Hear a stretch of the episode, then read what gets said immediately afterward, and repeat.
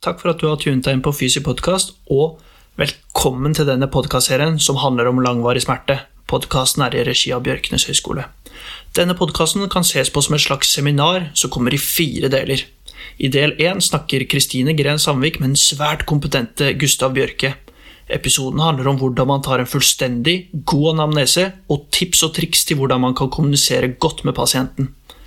I del to, også med Kristine og Gustav, så er tematikken orientert rundt begrepet smerte og hvordan man kan gjøre en god klinisk undersøkelse. Del tre, dette er en helt unik episode. Praten med er med en av pasientene til Gustav, som har vært plaget med vedvarende smerter i lang tid. I denne episoden anvendes prinsippene som er snakket om i del 1 og del 2, og vi får høre hvordan kommunikasjonen under en konsultasjon høres ut. I den fjerde og siste delen snakker Fredrik Sjøberg med den dyktige psykologen Henrik Børsting Jacobsen om medikamentbruk, menneskets biologi og fysiologi sett i perspektiv til en langvarig smerteproblematikk, prinsipper for behandling og en beskrivelse av en pasienthistorie der resultatet endte i smertefrihet.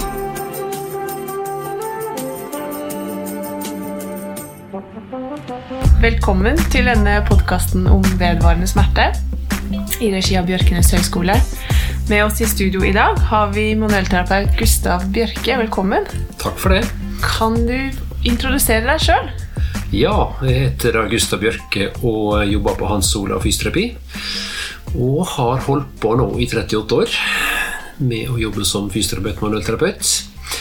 Ehm, jeg har eh, manuellterapiutdanning og har to år med kognitiv utdanning og veilederutdanning. Og jeg bruker å si at jeg er utenriksminister på Hans Olav fordi jeg har utenlandske manuellterapistudenter som jeg følger et år før jeg skal opp til eksamen og få norsk godkjenning. Og det er jo spennende, for da får du også mye vanskelig og vrient å bryne deg på, og det er jo eh, interessant på mange måter. da. Til vanlig så jobber jeg stort sett utelukkende med langvarige og sammensatte smerte-symptomlidelser, eh, og eh, finner det veldig meningsfylt. Eh, og det er en spennende gruppe å jobbe med, fordi der må du tenke helhetlig, og det er litt av det vi skal snakke om i dag. Fint. Så da har vi med oss en som har lang erfaring på vedvarende smerte. Akkurat det vi trenger her i dag. Temaet for denne første episoden det handler om anamnesen for de pasientene som kommer inn med langvarige smerteplager. Og I første del skal vi snakke om hvilke punkter som skal med i anamnesen. Og i andre del skal vi touche litt mer på hvordan vi skal formidle, eh, stille spørsmålene på en god måte. Ehm, men vi vet jo at måten man kommuniserer på, og hva man kommuniserer med pasienten på, har innvirkning på hvor mye pasienten følger opp måten vi kommuniserer på, er viktig for at pasienten skal gjøre de øvelsene som blir gitt, eller de tipsene som de blir gitt. Hvorfor tror du at kommunikasjon er så viktig for å motivere pasientene våre? Jeg tenker jo det at i utgangspunktet Når det kommer en ny pasient til meg, så tenker jeg at den er i utgangspunktet bitte lite redd. Eller mer redd. Fordi at Ellers hadde ikke den oppsøkt meg, eller noen andre som driver med behandling. Fordi eh, Hvis, eh, hvis den ikke hadde vært bitte litt bekymra eller redd, så hadde den vært der ute og prøvd å håndtere dette her på et eller annet vis. Og mange gjør jo det, med godt resultat. Så bare det at de kommer til oss, så ligger det en liten sånn kime av en bekymring i bånn. Og av og til så sier folk nei, jeg er ikke noe særlig bekymra. Ja, så jeg, hvorfor er du her da? Og så sier folk ja, nei, det har liksom ikke helt fått grep på dette her. Så det er litt interessant, da. Og da tenker jeg at eh, hvis vi skal prøve å skape en endring, så tror jeg det er veldig viktig at folk forstår litt hva er det som feiler meg, og hva må til for å bli bedre.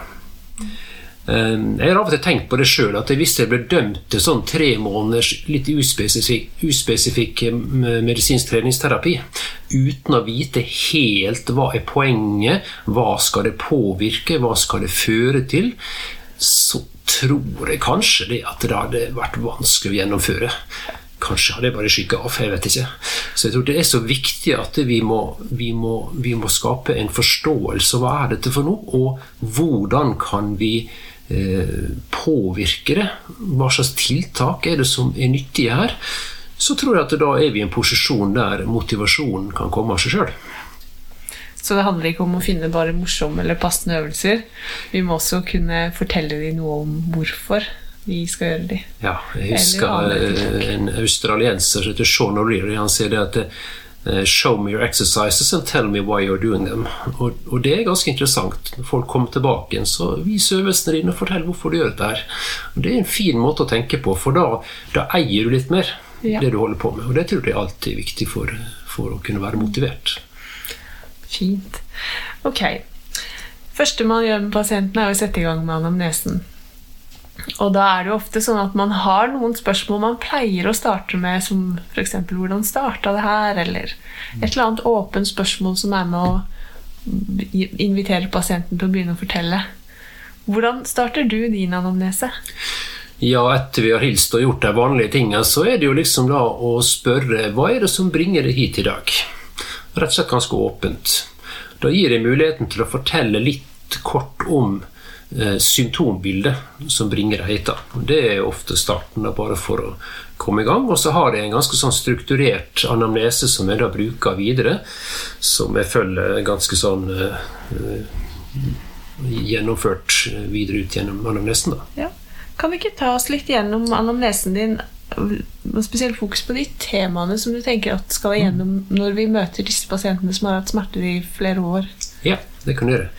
Eh, Så etter liksom vi da har rett og slett kort bare Det første jeg gjør, er jo da å, og etter vi har liksom fått sagt dette her, bare som bringer det hit, så bruker jeg ofte å si at nå håper jeg at du kan hjelpe meg litt med et par ting. Og det er da å dele ut eh, et ark. Der på forsida så er det en smertetegning. Og så ber jeg deg om rett og slett å tegne, skravere inn der det har sine plager. På den samme sida står det også eh, en sånn skala fra 0 til 10 i forhold til smerte, der, har, der det står litt, en liten forklaring på hva de forskjellige punktene skal inneholde, da, sånn at det er lettere for deg å finne fram til riktige tall.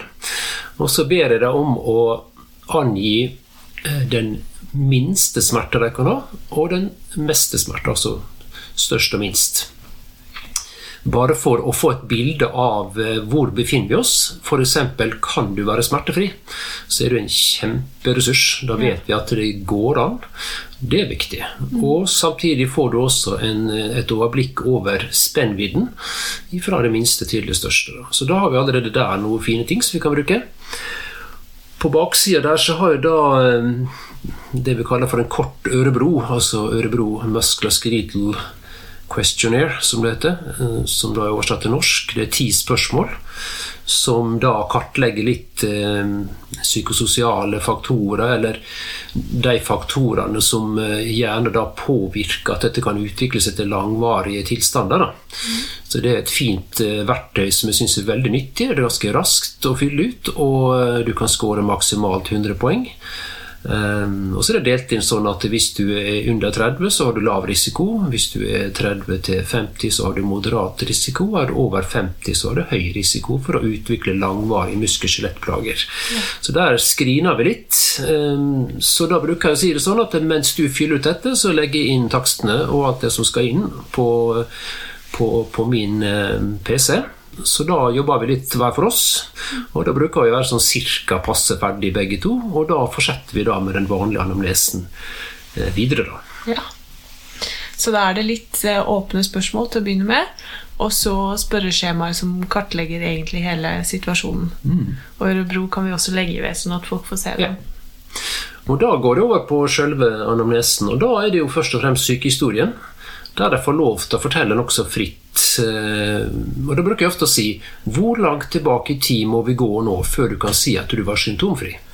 Og det er veldig interessant, for da er det noen som sier at eh, oi, og så begynner det liksom å, å telle baklengs i hodet sitt. Og så sier de liksom, la oss si de er 48, da. Så sier de da var jeg 12 år. Ja. Ok, så vi snakka om sånn typ 36 år. Ja, ok. Hvordan begynte dette? sant? Da er jeg nysgjerrig på å høre starten. Var det noe som skjedde? Var det noe med omgivelsene? Var det noe på den tida som eh, Var det noe traume? Hvordan begynte dette her? Og så kan vi da få utviklinga sånn i korte trekk videre oppover. da. Hadde perioder fra jeg var 20 til 24. Da var jeg ganske bra. Da hadde jeg lite plager, men så kom det igjen. og Prøver liksom å danne et bilde av historien. da, Hvordan den eh, utfolder seg. Er det sånn at du spør helt åpent om den her første eh, debuten av smerten? Eller hvis de sier sånn at de ikke aner hvordan det oppsto, er det da at du går og fisker litt mer etter direkte ting? Ja, Hvis jeg sier at de begynte da jeg var tolv år, og, men jeg har ikke peiling på hvordan, så vil jeg si hvordan var det for deg å være tolv år, f.eks. Ja. Eh, hvordan var det tilværelsen på den tida? Sant? Hvordan hadde du på skolen? Hvordan var det hjemme? Da kan du også gå rundt og høre litt, hvis han merker at det kjennes pass ut. For det er tidlig, dette her. Ja. Og det er klart at det har litt med hvem som sitter der, og hvordan du senser hvor åpent er dette her. da. Og, og er det litt tidlig, så lar du det bare ligge, og så går du videre. Det merker du ganske fort om du begynner å nærme det og får liksom litt motstand, så kan du si at da, da vil han tenke at han kanskje lar det ligge litt, og så Ja. kanskje komme tilbake til det senere. Hvis du lar det ligge, sier du noe om det da til pasienten? At ok, jeg forstår at vi ikke skal snakke så mye om dette. Eller bare lar det gå helt stille forbi og spørre videre? La oss si at det sier at nei, det var, det var helt vanlig, og det var ikke noe spesielt. Nei, men da, da går vi videre. Se. Altså, Ja. Da gjør ikke vi mer nummer av det, fordi eh, man skal ikke bryte seg inn hos folk. Det er viktig. Man må ha respekt for det noe der. Godt poeng. Ja. Sykehistorien ellers er det jo liksom bare å prøve å brette ut og se er det klare mekaniske faktorer. Um, og hvordan er det f.eks. med oppstarten? Begynte det som et traume, eller begynte det gradvis? Kan være interessant å vite. Og hvordan har det utvikla seg videre? Fordi Vi snakker alltid om to ting, og det ene er utløsende, og det andre er opprettholdende faktorer. Og Det er viktig å skille på. For det kan begynne som én ting, men det er ikke sikkert det er det som nå driver det videre. Kan du 36 gi et eksempel? Ja, ja, masse eksempler på det. sant? La oss si det begynner som et traume, da, et eller annet gang, men så er det jo slik, og det skal vi komme tilbake til, at ting tilheles jo. Eh, Så normalt vev tilheles altså eh, på forskjellig tid. Eh, Type muskel, bindevev, eh, skjelett er jo kanskje seks til åtte uker et eller annet sted.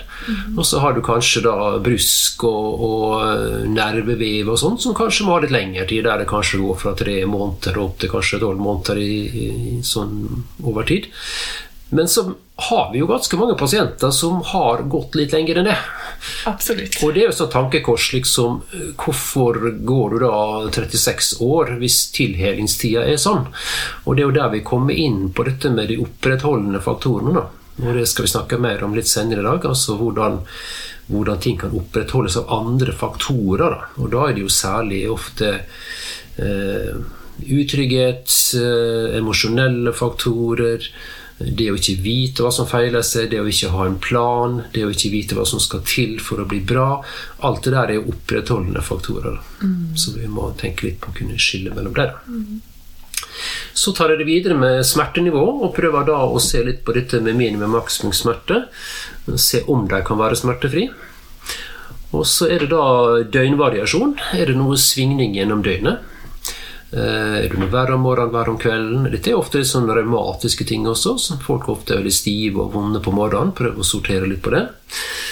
Anamnesen skal jo prøve å gi oss et godt bilde, og den skal ikke minst hjelpe oss til å luke ut alvorlig patologi, som er så viktig at vi må være obs på at vi gjennom anamnesen også får kartlagt godt om er det noe alvorlig eh, ute og går der. Det er jo det første vi må tenke på.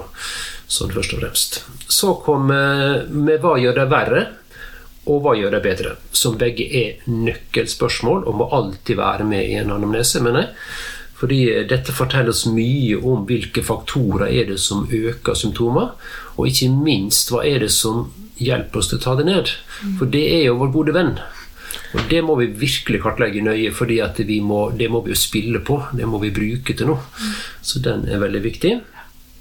Så har du det med jobb. Og da er det mange som sier ja, nei, jeg sitter på kontor. Og da tenker jeg da har jeg lyst til å gå videre. Ja. Fordi, ja, men hva gjør du på det kontoret? Hva slags stilling har du? Hva jobber du med? Eh, hvordan er det å være på jobben? Trives du der? Um, Hvor mye sitter du ved PC-en? hvor mye er sitter du ved? PC-en? Hva driver du med andre ting? Eh, hvordan er stressnivået på jobben din?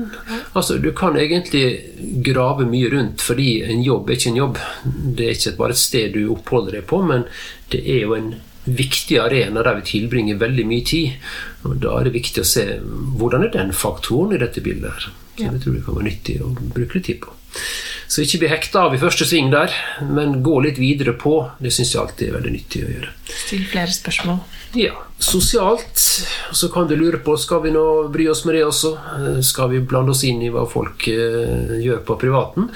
Det handler mest om å se hvordan er nettverk, hvordan er støtten rundt eh, denne pasienten. For det har stor betydning. Hvilke Altså, spørsmål stiller du da? Nei, Da spør jeg bor du alene eller bor du sammen med noen. Og hvis folk sier at eh, bor alene, så sier de hvordan er nettverket ditt. Har du folk som du omgås, har du hvordan er nettverket rundt det? Og litt med barn har stor betydning. Sant? Altså, har du eh, mange barn, hvilken alder er de? Hvordan går det med disse barna? bruker jeg å spørre. Fordi der kan det ofte være en stor faktor at du har barn som sliter med ting som er viktig å fange opp. Altså, Hvordan har barna dine det? Og da kan folk gjerne si nei, det er litt eh, krevende akkurat nå. Eh, Så er det en faktor som vi noterer, fordi det kan være en, en viktig faktor videre. Aktivitet. Da vil jeg gjerne høre litt hvordan er eh, dagene. I forhold til trening, aktivitet, alt som er fysisk. Hobbyer gjerne også, som forteller litt om hvor de befinner seg der. Og hvis la oss si folk er sjukmeldte, da, eller eh, av andre grunner er hjemme mye, så vil jeg gjerne høre litt eh, hvordan er en typisk dag for deg. Når står du opp? eh, Når, hva gjør du på formiddagen, ettermiddagen, kvelden? Liksom bare for å få et lite bilde av hvordan ser en dag ut. Ser det ut som en dag som er med å bringe oss litt god helse, eller er det en dag som kanskje kan dra oss litt andre veien? Altså Bare for å få et lite bilde av en, en vanlig dag. Det kan også være litt nyttig. Fint. Ehm, Så spør jeg om radiologi og andre undersøkelser. Er det tatt bilder? Hva viser det i så fall? Er det gjort andre undersøkelser som er viktige? Det er veldig nyttig for å få litt bilde av hva som er gjort tidligere av utredning. Ehm, Andre sykdommer og lidelser er viktig. ehm, For å se på det vi kaller komorbiditet, altså hvilke andre faktorer som påvirker her. Er helse generelt god, eller er det mange helseutfordringer? Det vil jo definitivt spille inn på det vi skal holde på med også. Medisiner og effekt. Hva bruker av medisiner? Og jeg bruker å kartlegge alt jeg bruker, for å se om noen av disse tingene kan ha noen påvirkning på ting. Ehm, og ikke minst effekten av det. F.eks. smertestillende. Ja, jeg tar det jo jevnlig, men jeg syns ikke det hjelper. sant? Ok, da kan man lure på hvorfor tar du det da? Det er egentlig det egentlig ganske mange som tar Ja, en del er smertestillende uten å ha effekt, og ganske sterke smertestillende også. Det er det. Og da er det også interessant å tenke på at hvis det ikke virker, hvorfor virker det ikke? Er vi da på en smertetype som de normalt har dårlig effekt på? Altså en mer sentrale drivere der du har smertesensitivisering, nosiplastisk smerte. Så det at det virker dårlig, kan jo også gis informasjon om smertetype. Det kan, sammen med andre uh, informasjoner så kan det være en av de tingene vi, vi kan se på. da. Og så er jeg også veldig opptatt med opioider. Altså går folk på, uh, på sånne ting. Fordi det er ganske mange studier nå som peker mot at det er en smerteoppholdende eh, Ja. tiltak. Eh, Altså at det kan virke smertesensitiviserende i stedet for dempende over tid. Ja. Eh, Kortvarig så gjør det nok ikke det, men ved langvarig bruk.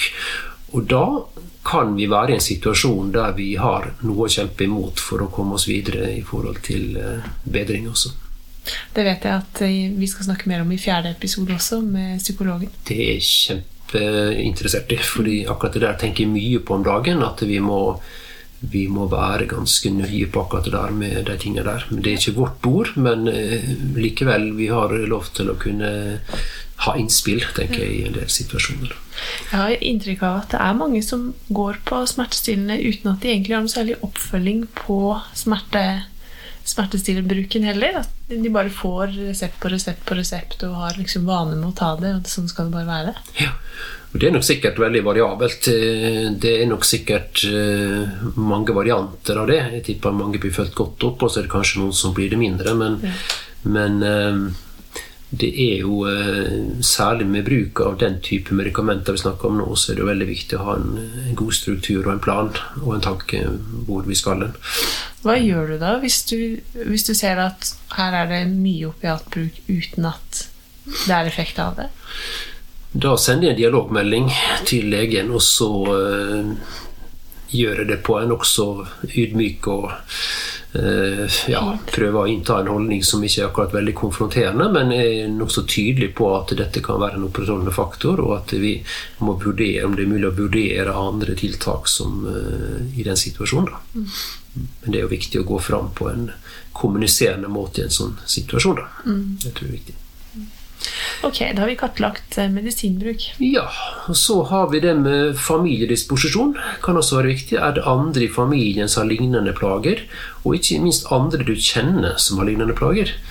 Eh, Akkurat nå så er vi inne i en litt sånn, eh, hva skal jeg si, en veldig sånn økning på det som heter postcomocho. Jeg tror vi har 15 stykker her for tida. Ja, Som, som har følger av det, med variabel grad av traume mot hodet. da.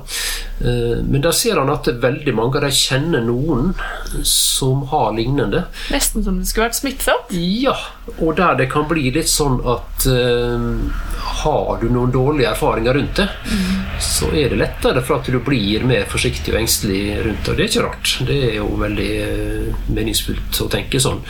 Men uh, det kan, at det kan være med å påvirke situasjonen og symptombildet, det, det er nok ganske innlysende. Eh, Så når han spør der, så kjenner du andre med lignende plager, og hvordan har det gått med de? Det er et godt spørsmål. Ja. Fordi ja, nei, det er jo tre stykk som jeg kjenner som fortsatt er ute av drift, og sånn, så er det en dårlig referanse. Og Da må vi kanskje snakke litt om det og se på det. Ja. Så er det tegn til røde flagg, altså alvorlig patologi. Kjempeviktig. Eh, Kartlegge nøye det, fordi eh, der må vi være gode og eh, passe på at folk er godt utreda, og at vi kan luke ut de tingene der. Hvilke spørsmål stiller du typisk da? Ja, jeg stiller jo ofte de klassiske australske med fem d-er og tre n-er, så vi snir. Ja, det er hva er det? Dizziness, dysartri, diplopi, dysfagi og drop attacks. Eh, Nausea, nevnes og nystagmus er jo de klassiske 5D-er og 3N-er. Så bare rett og slett høre om de har noe av det, og om de har hatt alvorlig patologi før. Ja. Har du hatt tidligere altså sykdommer som alvorlig sykdom? da? Det er også viktig å få på bordet. da. Mange av de her har jo hatt den samme smerten over lang tid. eh, men så er det spørsmål eh, De røde flaggene handler ofte om smerte som de aldri har kjent før, som er konstant og ganske nylig oppstått. Da. Så det er jo en fin måte å skille på at dette kanskje ikke er så alvorlig. Ja da, og så ofte så forteller jeg jo at ting svinger. altså ting kommer og går, og det varierer en del. Og det er jo alltid et godt tegn, se. Ja. Når det, når det er variasjon i det, vi er mer bekymra for og at det flytter seg litt rundt. Alt er gode tegn, fordi hvis du har det på ett sted og det øker og øker, så er vi nok litt mer på eh, alerten. Ja. Hva er det som er på gang? Det var røde flagg. Det var røde flagg, og så har jeg en sånn eh, smørbrødliste over andre symptomer som jeg bruker å lese opp eh, og spørre om. Og det er jo da mer sånn uspesifikke symptomer som, eh, som jeg har lyst til å spørre om for å se litt på det samla trykket i systemet, for å si det slik. Ja. Fordi de kommer jo ofte til oss med smerte. Eh, Fordi at de tenker at eh, det er rette stedet. De har vondt i kroppen. Da går de til en fysioterapeut, manuellterapeut eller en annen behandler av eh, forskjellig slag. Um, og da spør jeg ofte om har du noen av disse her symptomene. Og det er jo da smerte, slitenhet, utmattelse, svimmelhet, øresus, kvalme, muskelspenninger, synsforstyrrelser. Endre immunfunksjon, dvs. Si er du hyppigere syk enn vanlig. Eh, humørsvingninger, feberfølelse, magesmertefordøyelsesplager, nedsatt hukommelse, konsentrasjon, søvnforstyrrelse og økt følsomhet for lys, lyd, lukt eller temperaturendringer. Så den eh, leser jeg bare fra toppen og ned, og så sier han ja eller nei nedover. da. Og da er det mange som kan krysse av på stort sett alle. Jeg har eh, flere som har full score på det, der de kan krysse av på alt. Da vet vi at her har vi noe som ikke er en lokal tilstand. Dette er en systemisk tilstand der det er en ganske høyt trykk i systemet, og det er viktig å vite om, fordi det påvirker i hvert fall smerten. altså Det er jo en del av, en del av bildet. da. Hva mener du med systemet? Systemet det betyr at vi er under en belastning eh, av mange faktorer, sannsynligvis, som gjør at kroppen responderer med å varsle. Ja. Den prøver å formidle et eller annet om at akkurat nå så hadde det vært fint om du regulerte et eller annet. For nå er det litt i overkant. Ja. Og disse symptomer er jo typiske sånne varselsymptom. Så kan du godt si at ja, men dette kan jo også være alvorlig patologi. Og det kan det absolutt, fordi kroppen har ikke noen sånn egen varsling for det. Den forteller når belastninga blir for stor av samla trykk, uansett årsak. Og mange med alvorlig patologi kan jo ha færre av disse enn en som har hatt langvarig smerte, f.eks. Eh, Så Derfor er det så viktig at vi må utrede grundig, eller sørge for at de er godt utreda. Fordi vi må få bort den alvorlige patologien først. Og sitter vi igjen med at det er et høyt systemisk trykk, så er jo det litt av oppgaven av anamnesen er jo nettopp da å prøve å kartlegge hva er det det høye trykket skyldes? Hva er det som er driver her? Hva er det som påvirker dette her? da? Så det bruker jeg ha med, i hvert fall når det gjelder den gruppa her, så bruker jeg å spørre om det. Jeg gjør nok ikke det på en ankerovertråkk, men eh, på den gruppa her så er det faktisk viktig å, å stille de spørsmålene. Så spør jeg en liten inngående mer om søvn, for det er en veldig viktig faktor. Altså, det er jo I forhold til å opprettholde smerte, så er jo søvn en veldig viktig faktor. Hva regner du som normalt når det gjelder søvn? Nei, Jeg spør, spør ofte liksom hvordan er en vanlig natt for deg? Nå legger du det? Ja, legger seg sånn 23 sånn. Ja, og nå sovner du? Nei, da kan det bli ett. Ok. Og derifra, da? Ja, så sover de litt sånn urolig, våkner en to-tre ganger, og så våkner de kanskje klokka seks. Da får ikke de sove lenger. Eh, Fem, fem timer urolig søvn. Fem timer urolig søvn og to timer da. Og da spør jeg ofte disse to timene før du sovner, hvordan ser det ut? Eh, Da er det mange som beskriver at de ligger der og grubler og tenker mye og har mye sånn eh, hodebruk. Bekymrer for at de ikke får sove, tenker litt på helsa, tenker på andre ting og ligger og baler med ting. Som gjerne gjør at det blir vanskeligere å sovne inn. da. Så eh, jeg tenker jo en sju til åtte timer for vanlige voksne folk er jo en grei søvnmengde, men det er også litt med kvaliteten og hvordan det, det ser ut. Det, da. Dette kunne vi sagt masse om, men det er jo et eget digert tema. da. Men, Godt grunnlag for god helse. bare husk å sånn. kartlegge det, for det er en så viktig faktor. Det er det. Så ser jeg på tidligere behandling og effekt. Høre hva er det som er gjort tidligere. For ofte er det jo slik at eh, skal vi fortsette å gjøre det samme? Og det er jo fullt mulig. Eh, For han kan jo tenke at han er litt bedre til å gjøre det samme enn andre de som har gjort det før. Jeg tror ikke ofte det er en veldig god inngang. Jeg tenker at ja, men jeg er mye flinkere enn de som har gjort dette før. Jeg er ikke så sikker på det. Så man ser da, hvis ikke det har hatt effekt, da, så er det jo å diskutere litt sånn eh, etter hvert da når man er ferdig med hele kartlegging, undersøkelse og alt, så er jo spørsmålet da eh, Når dette har vært utprøvd, disse tingene her, hva tenker du da om at vi prøver å vri på det og gjøre det på en litt annen måte? Og eh, folk er jo ofte motivert for det, i og med at de kanskje ikke har hatt den ønska effekten. Da. Så det kan jo være en motivasjonsfaktor, det å, å vri og prøve noe annet, når det har vært prøvd det samme lenge uten å komme helt til mål. Det skal vi få et godt eksempel på i episode tre, hvor vi skal ha med en pasient. Så det gleder jeg meg til. Hvordan du jobber Ja, det kan bli interessant. Og da får vi jo sett dette her litt mer i praksis, hvordan man gjør det da. Ja. Så tar jeg fram den Ørebro-spørreskjemaet, og så ser vi litt på summen. Uh, summen i seg sjøl er for så vidt interessant, men jeg syns enkeltspørsmålet er mer interessant. Der vi kan gå i dybden på enkeltspørsmål. Eh, så da er det jo ti spørsmål, og sånn som eh, spørsmål fem, altså hvor anspent, stressa har du følt deg siste eh, uke, så er jo det et interessant spørsmål. Og likeså nummer seks, hvor nedstemt har du følt deg siste uke. Begge de spørsmåla hjelper oss til å komme inn på litt eh, kilende spørsmål uten at det blir altfor rart. Fordi at da har du fylt ut et sånt skjema, så er det kanskje ikke noen bombe om at vi eh, forfølger litt det du har svart. Det er ikke så veldig rart. Og mange opplever nok det som litt mer naturlig enn at de har stilt det spørsmålet helt åpent uten det skjemaet. Det er fra min erfaring. Så for meg så gir det en inngang til noen spørsmål som gjør at vi kan komme litt i dybde uten at det blir altfor rart. Så når de har svart på spørsmålet på spørreskjemaet først, så er det altså lettere å åpne den døra og spørre litt mer? Jeg syns absolutt det. det. fordi at eh, det er ikke en bombe om at du forfølger et spørreskjema og går litt mer i dybde på ting. Det er lettere enn en når du Men så er det også viktig å si når du leverer ut et skjema, så sier du at eh, vi vet at smerte og andre symptomer påvirkes av mange ting. Og dette er et skjema som skal prøve å hjelpe oss å se om det er noen faktorer som vi tenker er viktige i ditt tilfelle. Sant? Så du kan jo selge det inn sånn at du, de er klar over eh, som et utgangspunkt. Da. Så blir det lettere å, å gi det fra seg også. Da. Da unngår vi å overraske pasientene våre Ja. med inngående spørsmål om psykososiale faktorer. Det er akkurat det. Jeg tenker det kan være litt lurt. Eh, Så er det spørsmål som jeg mener skal være med på enhver anamnese, og som i, ikke minst med den gruppa her er kjempeviktig. Og da er det spørsmålet hva tror du selv feiler deg? Ja.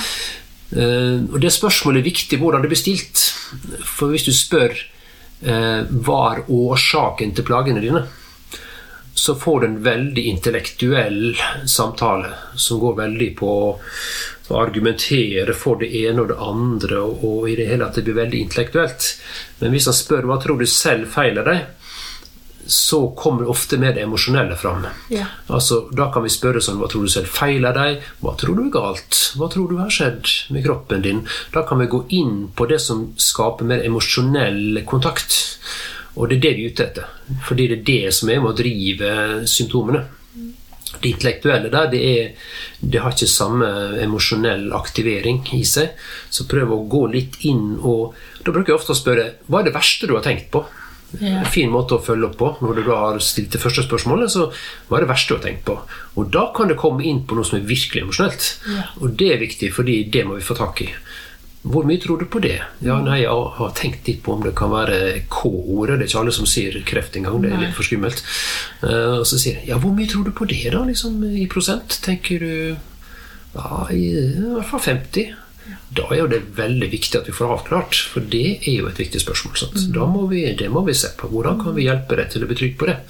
Og da må vi jo gjerne eventuelt uh, jobbe sammen med fastlege um, som kan hjelpe oss til å, til å legge bort det, hvis det er en sterk frykt. Det er jo vanlig at pasientene våre har sånne worst case scenario-forestillinger om hva er det som er galt med dem. Er det andre enn kreft som er gjengangere? Ja, ja, et veldig interessant aspekt der, det er eh, folk som er kreative. Ja. Ehm, som er kunstnere, musikere, utøvere av Eller er generelt kreative av natur, da. Fordi de er alltid veldig var på. De må vi kartlegge nøye. Hvilke bilder ser de for seg? Ja. For de, de kreative har en egen evne til å male opp katastrofale bilder. Og de er veldig interessert i, fordi de er jo en veldig sterk driver til symptomene. Skal vi komme tilbake til Den subjektive trusselen er jo den som er viktig for symptomene. Da. Og hvis du har sterke bilder av eh, hva som feiler deg, eh, du ser for deg skiver som eh, flyr ut, og som sklir, og som det er, det er sterke bilder av ting som blir ødelagt inni der. Det er klart at det da, da påvirker det smertenivået. Altså, kroppen får jo da behov for å slå alarm for Ja. å prøve å at du skal gjøre noe med det. da. Så husk på det at uh, den gruppa der er veldig viktig å, å få bretta ut hvilke bilder det er. da. Det er spennende. Og det er voldsomme bilder som kommer ofte også. Ja, ofte er det jo det. Og det, ofte blir det sånn What? Du har ikke hatt fantasi til å forestille deg tatt at de kan tenke sånt. Nei. Men det er jo nettopp så viktig å få det fram, da. Men så skal jeg også legge til at eh, den gruppa her er jo like god til å bytte ut bildene. Ja. Og det er det som er så viktig. Så egentlig kan prognosen være veldig god. Fordi at hvis de får trygge og gode bilder, balanserte bilder, så kan de fort, like fort skifte over til det. Og plutselig så begynner ting å snu. Så det er viktig å huske på at de har en liten ulempe, men de har jammen en fordel også. Så hvis de får god hjelp til å bytte ut de bildene, så kan det være en, en god ting å, å begynne å snu ting. Det her var fint at vi snakket om, fordi jeg synes det er viktig når man sitter der som fysioterapeut og skal stille disse spørsmålene, at man er klar over at nå kan det komme ville forklaringer. Er det. Så man ikke sitter der og får bakoversveis og tenker 'hjelp, Ja. dette har jeg ikke sett før'. Nei, dette var voldsomt, og det kan være det. Og da er det i hvert fall voldsomt i den personen. Ja. Det kan i hvert fall regne med. Kan det være greit å trygge pasienten på at det er vanlig når man har vedvarende smerter, at sånne ting oppstår? Helt normalt. Så spør jeg også hvor bra tror du at du kan bli?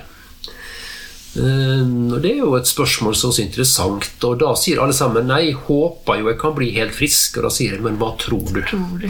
Hva Da må vi liksom skille litt mellom eh, dette her eh, klassiske håpet og hva man egentlig innerst inne tror. Og Da kan folk si at nei, jeg tror nok at om to år er jeg nok helt uføretrygda. Ok. Da ser vi at håpet er syndende. Liksom du er i ferd med å miste håpet. da. Så når alt håp er ute? ja, og da tenker jeg at da er det vår eh, oppgave det er å se går det an å etablere et nytt håp her. Det blir vår oppgave. Og det er jo eh, Det er jo ikke nødvendigvis noen noe garanti for det, men da må vi med vår kunnskap og erfaring prøve å eh, når vi er ferdig med hele den kartleggingsfasen og undersøkelse og alt, så må vi se kan vi komme opp med noe, en vei som ikke er prøvd kanskje, som der er en viss realisme kan ha en eh, framtid som blir bedre. Og så må vi selge inn, og så må vi se om at vi klarer å få den kontakten, at det kan tas imot, og at det håpet kan tennes. For da kan det begynne å skje ting. Og Per Brodal, som jeg har jobba en del sammen med, han er jo en eh, meget habil eh, mann innenfor nevrobiologien. og en nestor og en virkelig verdensstørrelse. Han sier jo det at en pasient uten håp er det nytteløst å behandle. Ja. Det er ganske sterkt, men jeg tror jeg skjønner litt hva han mener. Så før man begynner å behandle, så Eller egentlig så er første steg i behandlingen å skape et håp, da. Ja. Etablere et håp. Etablere et håp. Så er vi kommet til um, Hva tror du må til for at du kan bli bedre eller bra? Og Det er for å se hvor er den pasienten i forhold til eh, forventning på tiltak. Og Det er jo viktig å avklare den forventningsavklaring. da. Hva må til? Og Da var det jo en pasient som sa at nei, jeg tror jeg må ha sånn skikkelig hard massasje inntil beinet. Ja. Eh, Da har vi allerede lagt lista for et tiltak som da eh, den tror kan være nyttig. da. Eh, Så får vi en sånn avbeining av steik. Litt Ja. sånn eh, ordentlig sånn for rever løs, liksom. Hva gjør du da når pasientene tror veldig sterkt på de tingene som vi fysioterapeuter nå ikke har så stor tiltro til lenger? Da sitter jeg helt i ro i båten foreløpig. Okay. Da noterer jeg det ned. Ja, Gjør det. Det er noe med å, det er noe med å ta ting i rekkefølge her. Ja. Um, og jeg tenker det at i en sånn situasjon så vil jeg notere ned og høre om det er noen andre ting hun tror kan være nyttig. Altså jeg prøver å hente ut om hun har andre strategier, eller om hun er helt låst på én. Uh, så prøver å få litt uh, fram uh, om det er andre ting hun kan tenke seg. Okay. Og så tenker jeg det at uh, En ting som jeg sier til studentene også eh, når du er i anamnesen, og folk da underveis spør ja, hva tror du det kan være for noe, sitt i ro. Sitt i ro i båten. Ja. Eh, da kan du si jo, jeg har kanskje noen tanker så langt, men eh, vi har jo ikke undersøkt det. Så det er jo umulig for meg å vite noe og mene noe nå. Eh, Jeg har noen skisser i hodet, men eh, det, det er jo ikke noe eh, som vi kan vite noe før vi undersøker det, og se om at vi kan finne dekning for det. Men når vi er ferdig med undersøkelsen, da skal vi sette oss ned og prøve å mene noe. Og det er så viktig fordi at det, det skaper også en liten forventning. Det er en litt sånn cliffhanger. Sånn at altså, det kommer noe, men det kommer ikke ennå. Og det gjør at folk er litt på tærne og, og litt nysgjerrige. Og den nysgjerrigheten skal vi bruke for det det er verdt, og la den henge der til vi kommer til poenget, for da sitter det ofte med begge ørene ute og er klar til å høre. Så det er noe med liksom å ikke snakke kort, da. Fordi jeg har brent meg på det så mange ganger tidligere at jeg, jeg sier ja, nei, dette høres jo ut som en sånn og sånn og en slik og slik. Ja, ja, ja, det er jo klassisk. Og så begynner du å søke, og så finner du Oh no, det var det i hvert fall ikke. Nei. Og da har du et problem. Sånn at ja, det virker som det kan være noe annet. Da er du på minussida. Ja. Da har du mista tillit. Så, så sitt på hendene dine. Altså ikke begynn å styre før du kommer til, til poenget. Ja. Veldig viktig. Du, snakket, eh, kan jeg huske, om en eh, sammenligning på anamnesen og undersøkelsen. eh, hvor, eh, hvor det er egentlig mer som en etterforskning. Ja, Kan skal, du fortelle litt om det? skal, vi- skal vi ta det til slutt, så kan vi oppsummere litt. Ja. eh, For den tror jeg faktisk er ganske fin. Vi tar den ikke med en gang, nei, vi lar den henge vi litt. lar den henge litt. Vi har en cliffhanger. så- Ok. Ikke rart folk blir utålmodige. Eh, Nest siste spørsmål. Hvor frisk opplever du deg? Ja. 0 til 100 Det er for å få et bilde av hvordan de ser de på seg sjøl. Du kan godt ha folk med plager, masse plager, og så sier de 'jeg opplever meg 90% frisk', og jeg tenkte 'oi, ja, du verden'. Ja, ja, for jeg føler meg frisk. Jeg har jo en del plager, men jeg føler meg frisk. Jeg holder jo på og driver på med ting og sånn. Det er interessant. Og så kommer det andre som sier 20% 10% Og så Ja. tenker du oi, men du går jo rundt og fungerer jo, og du er på jobb og sånn, men liksom oi, det var veldig lavt. Så du kan få litt sånn interessante hvordan de ser på seg sjøl, da. Men ser du på deg sjøl som 10% frisk, så er det kanskje ikke så rart at symptomer opprettholdes heller. Nei. Det er noe med det hvordan ser du på deg sjøl. Det er jo en opprettholdende faktor, det også. da. Og motsatt fall så kan det brukes som en ressurs. At jeg ser på meg som ganske, ganske frisk, men litt plager. plager. Så har du et litt annet utgangspunkt. Siste spørsmålet det er det vi kaller for mirakelspørsmålet. Hvis du, hvis du våkna opp i morgen og var 100% frisk, hva ville vært forskjellig i livet ditt da? Og den er interessant. Ehm, For det forteller noe om hvordan ville det sett ut da? Og da ser du ofte to ting, eh, eller én av to. Det ene er at folk blir litt sånn matte i blikket, og så forteller de om ting de har tapt. Ja. Og så har du det som tenner til, og du ser at det bare lyser, og så begynner de å se fremover og tenker det skal bli så fint. Veldig interessant å se hvordan det ofte skilles i av gruppene. Da. Og så eh, Hva tenker du er positivt med den ene og den andre? Nei, jeg tenker den som får litt lys i øynene, da tenker jeg det er jo veldig fint. Der er det håp. Det er det. Og så ser du de som har tapt mye. Så handler det om å begynne å se på hvordan kan vi gjenvinne ting gradvis. da. Og Av og til så møter du folk at ja, da hadde jeg vært mer fysisk aktiv, jeg hadde vært mer sosial, jeg hadde hatt bedre humør, jeg hadde eh, i hele tatt vært mer engasjert, jeg hadde liksom eh, ja, sovet bedre og dette og dette. da. Og så tenker jeg ofte det at det, hm, det du sitter og snakker om nå, er jo oppskriften Ja. for å komme dit. Du snakker ikke om målet, men du snakker om veien, egentlig. Og det snakker, kan vi ofte da etter hvert komme inn på. da. Når, litt seinere, når vi har fått etablert en god relasjon og er i gang litt, så kan vi løfte fram dette her og se på, se på dette her.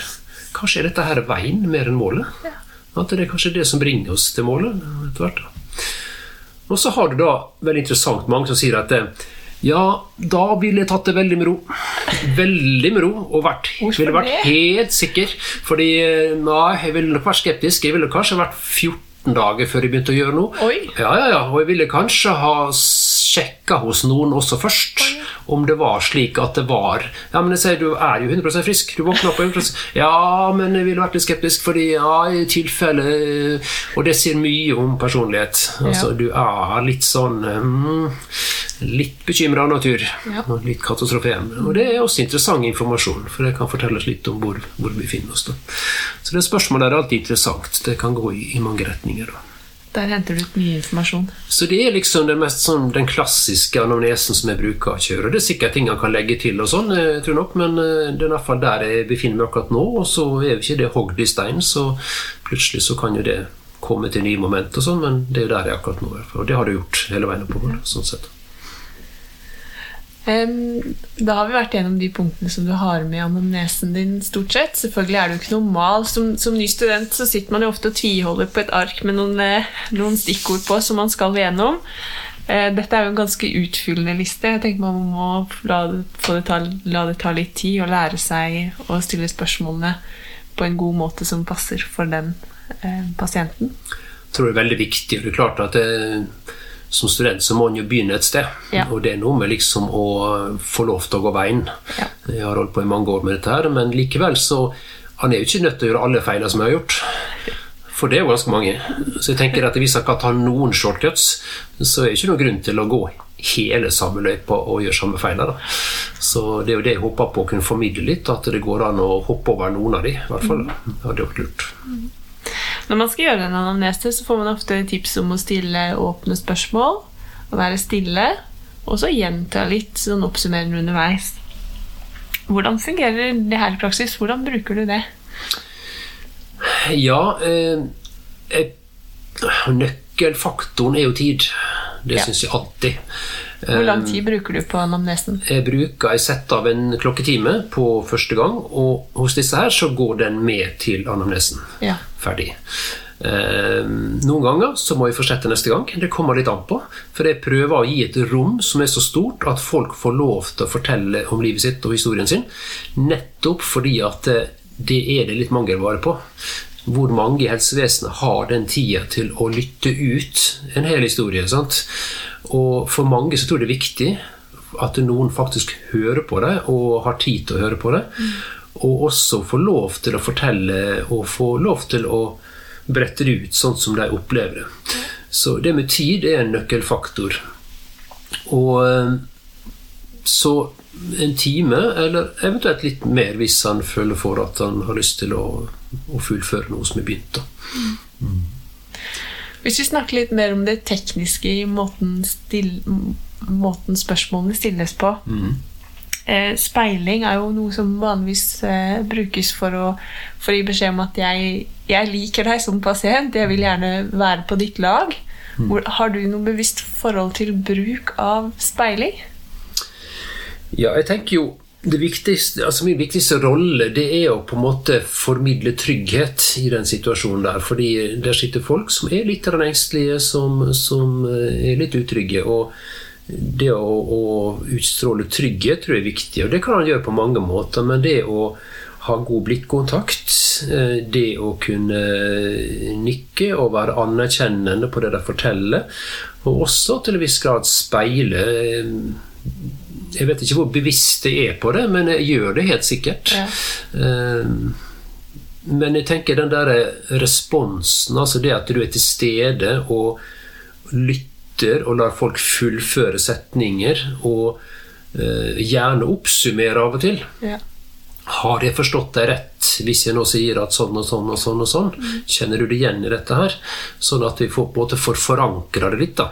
Ja. Jeg bruker å si til studentene også at det, det, er helt uinteressant hva som er sagt. Det er det som er blitt hørt, som er viktig. Ja. ja. Fordi, ja, men jeg har jo sagt ja, men hva ble hørt? Det er jo det som er greia. Og, derfor, og, skal en finne ut av det, så må en gjerne spørre, da. Hva har du oppfatta her? Sant? Altså, du må hente det opp igjen og se at vi, vi er på samme planet. Ja. Vi, har, vi, har, hørt det samme, liksom. Ja. Så for å teste om kommunikasjonen har fungert, så spør man hva har du fått ja. med deg av det vi har snakket om. Det er lurt, og det skal vi være litt bevisste på når folk kommer og sier at jeg var hos en terapeut, og han sa sånn og sånn, og, og legen han sa slik og slik, og så tenkte du verden. Men husk på det, det var det som ble hørt. Det er ikke sikkert det ble sagt akkurat sånt. Og det tror jeg skal være litt sånn respektfulle for at, uh, at det, det, er blitt hørt slik. Og det kan godt hende det kommer folk fra oss og sier akkurat det samme. Og så er det kanskje ikke det vi ellers sa, men det var det som ble hørt. Så litt ydmyke for det tror jeg er lurt å, å ta med seg. Du har jo hørt eh, mange anamneser som studentene dine har gjennomført også, hvor du har vært eh, tilskuer. En av eh, mine kollegaer har hatt utsagnet for å høre om generell helse sagt 'og ellers er du frisk og rask'. Ja. og det er jo noe som i utgangspunktet høres veldig positivt ut, men når man tenker over det, så er det et ganske lukka og et litt sånn avfeiende spørsmål. Du er vel over, på vei over i neste spørsmål, egentlig. Altså, du, du, er på en måte bare du haster forbi det. Det skal litt mot til å si å stoppe. Eh, nei, faktisk ikke. Du skal være litt sånn uh, tydelig, da. Uh, er, det, er, det, andre sånne utsagn som vi som fysioterapeuter har for uvane å si? Eller er det noen måte vi kan unngå å gå i fallgruven Nå skal jeg røpe at jeg har litt dårlig tid og helst ikke vil ha noe svar på ja. det spørsmålet. Jeg tenker Det som går igjen både i anamnesen og i undersøkelsen, når jeg tenker studentene, så er det ledende spørsmål. Ja. Som er en hauk for å prøve å plukke av. Fordi det, det forvrenger informasjonen vår så veldig. Så ledende spørsmål det var, det var, et kull der det var så stort problem at vi rett og slett innførte én krone i bot på hvert ledende spørsmål som jeg hørte på veiledning. Og det ble en del i sånn felleskasse etter hvert, så vi kosa oss vår når du leier ut på. Eh, typisk det er jo sånn at eh, Eh, og helsa, den er bra. Eh, jaha, og så går vi videre, og så er det sånn Og søvn har du heller ikke problemer med. Eh, altså, dette er, dette er, ledende spørsmål som det skal mye mot til å stoppe og si fra at det er annerledes. Og dette er jo ekstra viktig på undersøkelsen. Ja. Og her kjenner du ingenting, og her går det bra, og der kjennes det fint ut, ja. Mm -hmm. Og det blir gjort i stor grad. og det da kan ikke vi stole på det vi henter inn. Nei. Du ser på ansiktet at det er grimaser, mens kanskje terapeuten står bak, og så blir det snur til høyre. Og det så fint ut, ja. Og så ser du bare ansiktet trekke seg sammen av smerte. sant? Ja. Eh, Men det sier ingenting. Og, og disse tingene er viktige. Jeg bruker å si at det, stort sett skal spørsmål begynne med H. Ja. Eh, hva, eh, hvordan oppleves det nå? Hva kjenner du nå? Altså begynn med H. Eh, det som er minus med det, er hvorfor. For det er ofte veldig intellektualiserende. Det er ikke vi så glad i, men selvfølgelig kan han bruke det også. Men, men hvordan og hva er gode måter å stille spørsmål på. Da. Så tenk på H. H-spørsmålet, så er det ofte lettere å ikke lukke det så mye. Da. H-spørsmål er åpne spørsmål, Det er åpne spørsmål. og lukka spørsmål det gir oss egentlig ingen ekte svar. Nei, og det er klart at det, Hvis han har en hypotese, så er det veldig kjekt med lukka spørsmål, for da kan du guide det sånn at du får bekrefta det. Det tror jeg kanskje er litt av greia med studentene også, at når jeg er til stede der, så prøver jeg å skape en trygg atmosfære. Men like fullt, hvis pasienten har bestemt seg for en hypotese, og så har ikke lyst til å tape ansikt ved at det ikke stemmer, da, så vil du gjerne styre det gjennom undersøkelsen, og da blir det ofte litt interessant. Ser den. Eh, hvordan ville du sjøl blitt møtt av en terapeut? La oss si du hadde hatt ryggsmerter i over ti år. Hvilke ting ville du satt pris på hvis du var pasient? Jeg håper aldri du blir det, men hvis du skulle bli det. Ja, Vi har vel våre skavanker alle sammen. vi har nok det Da eh, Da ville jeg først og fremst blitt møtt med anerkjennelse for mine plager. På pulten min så ligger det en eh, oransje lapp som jeg har bevisst lagt der. En Post-It-lapp der det står 'anerkjenn'. Og Det tror jeg er så viktig, fordi at vi har det så travelt med å få bort disse symptomene. Så når vi har hørt historien, så skal vi i gang og få bort dette her. Og så sitter pasienten og tenker Skjønner den? Skjønner han hvordan jeg har det? Ja. Det er spørsmålet. Skjønte han egentlig, kom det frem tydelig nok at dette her er ikke greit i det hele tatt? Og, og da er vi litt for raske, tenker jeg. Ja. Og da skal det ikke så mye til. Det handler ofte om en setning som Dette må da være krevende å stå i. Her har det vært noen krevende år. Altså, bare de som anerkjenner. Og det er så viktig, og det koster så lite, men det betyr så mye.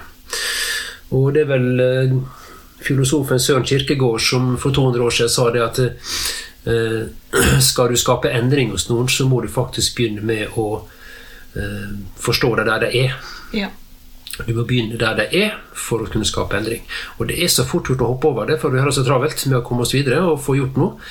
Og jeg tenker det at det er bare å stoppe opp og anerkjenne hvor viktig det er. Fordi det, jeg tror at hvis vi ikke gjør det, så vil pasienten komme halsende bak oss og prøve å overbevise oss med smerteatferd, ved mye snakk om smerte, ved stadig å komme tilbake til ting for å sjekke ut at vi har forstått. Og det kan ofte bli ganske sånn lite konstruktivt. Så, så det at du på en måte bekrefter det og anerkjenner det, så tror jeg kanskje at veien videre blir bedre. Relasjonen blir definitivt bedre, og den er jo grunnleggende. Og han, David Butler han er jo kjent fra Australia med sin 'Explain Pain', sier at eh, grunnlaget for et behandlingsresultat legges 80 i gang nummer én og to. Ja. Og det tror jeg veldig på. Det er der det skjer. Det er der du bygger relasjon, det er der du begynner å, å, å kunne finne en felles plattform for å gå videre. Så eh, det er som å si at det You never get a second chance to make a first impression. Og det er så viktig. Derfor sier jeg til studentene også pass på å se over rommet ditt før du henter pasienten. Ja. Ser det ryddig ut, ligger det pøller og slenger, ligger puter på gulvet, så kommer pasienten og tenker her er det nok litt cirka. Ja. Her er det litt sånn omtrentlig. Her er det litt eh, rotete. Og det inntrykket der, det er veldig vanskelig å rette opp igjen for når det først har eh, festa seg. Så pass på at det ser ordentlig ut når folk kommer inn første gang. Her er det orden, her er det system. Så har du allerede der en plussfaktor. Viktig start. Er det noe mer du tenker at vi bør snakke om nå, når vi har snakket om hvilke punkter som skal inn i anamnesen, og litt om hvordan man formidler ting i anamnesen? Ja, en litt interessant ting som Vi var på en kongress nylig, og der var det en av mine gode kolleger, en flink eh, terapeut, som eh, vi snakket om dette her med den sammensatte lidelser og sånn. Så, så sa han det at eh, det var mye enklere på 80-tallet, eh, når vi var, begynte vår karriere, fordi da var ikke folk så komplekse. De var ikke så, de var ikke så uh, sammensatte. Det var ikke så vanskelig den gangen. Og da tenkte Hvordan vi meg det seg? Ja, hvordan kan det være, tenkte jeg. Har mennesket forandret seg så mye på disse år? Mm. Men da satt jeg og tenkte tilbake på hvordan var anamnesen, undersøkelsen min den gangen. da. Eh, jo, undersøkelsen var vel ganske så Ikke sånn dramatisk endra, kanskje, men anamnesen På den tida så hadde vi kartotekkort Ja. som var typ 15 ganger 10 cm. Og på den ene sida der, der klarte vi å få inn anamnesen og undersøkelsen. Ja. Ja. Det sier seg sjøl at da er det litt begrensa hvor mange spørsmål du kan stille for å få plass til det. Ja. Så jeg tror hadde vi stilt de samme spørsmålene den gangen som i dag, så hadde nok folk vært ganske like. Da. Så det er litt sånn interessant tilbakeblikk, da. At eh, folk var forskjellige. Det var nå det. Og det andre er at jeg bruker ofte å sammenligne dette med når vi har en ny pasient, så kan det sammenlignes med en etterforskning. Nå kommer cliffhangeren. Ja, nå kommer cliffhangeren. det du var inne på i stad. Og det handler litt om at eh, noe har skjedd, noe har forandret seg. En person har fått symptomer. Det har vært en endring fra ikke ha det til å få det. Ok. Da må vi sammen med den pasienten utforske hva er det som har skjedd, hva er det som har forandret seg. Og da er det viktig å huske på at eh, den som sitter på stolen, er ikke den mistenkte. Nei. Det er den som da er blitt forulempa, eller den som da er eh, den, ja, den som er forulempa i situasjonen. Og da må vi lytte nøye til hva den forteller om hendelsesforløp. Hva er det som har skjedd, hva er det som har foregått? Omtrent som en annen etterforsker. Vi må notere ned.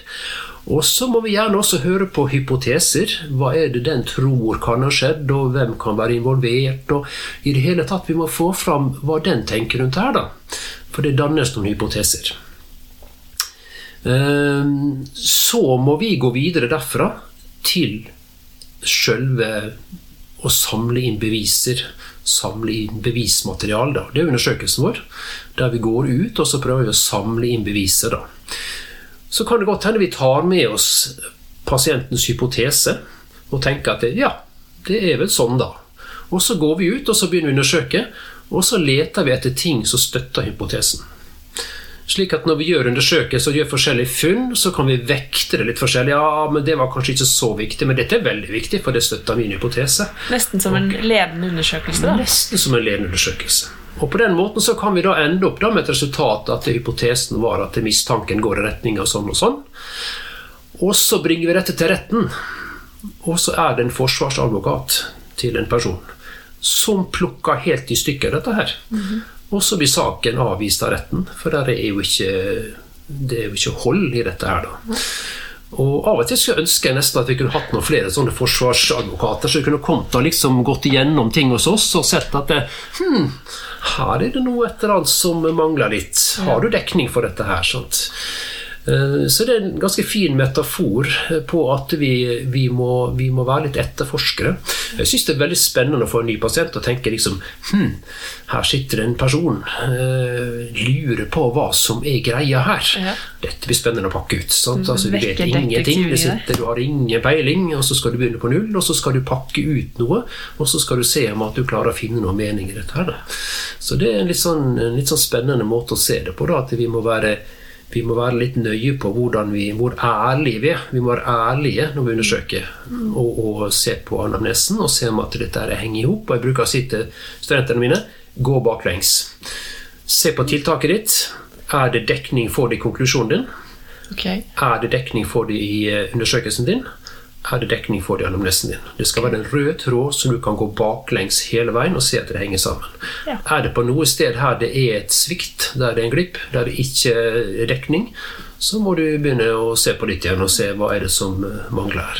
Så rett og slett å stoppe opp og tenke seg litt om før man setter i gang med tiltakene. Og se om har man fanga hele historien og stemmer det. har vi dekning på konto? Ja. Si. har vi, kan vi gå baklengs her? Er det kvalitetssikra? Ja. Fint. Jeg tenker at vi har vært igjennom ganske Eller jeg syns vi har vært gjennom mye når det gjelder punkter i anamnesen, og hvordan det skal kommuniseres. Så tusen takk, Gustav. Jo. Da var denne episoden kommet til sin slutt. Ønsker du å finne fram litteraturen, artikler eller lenker som er referert til i denne podkasten? Du finner det på fysi.no under innlegget til denne episoden. Og hvis du har lyst, så følg oss gjerne på sosiale medier. Du finner oss under Fysi på Instagram og Facebook.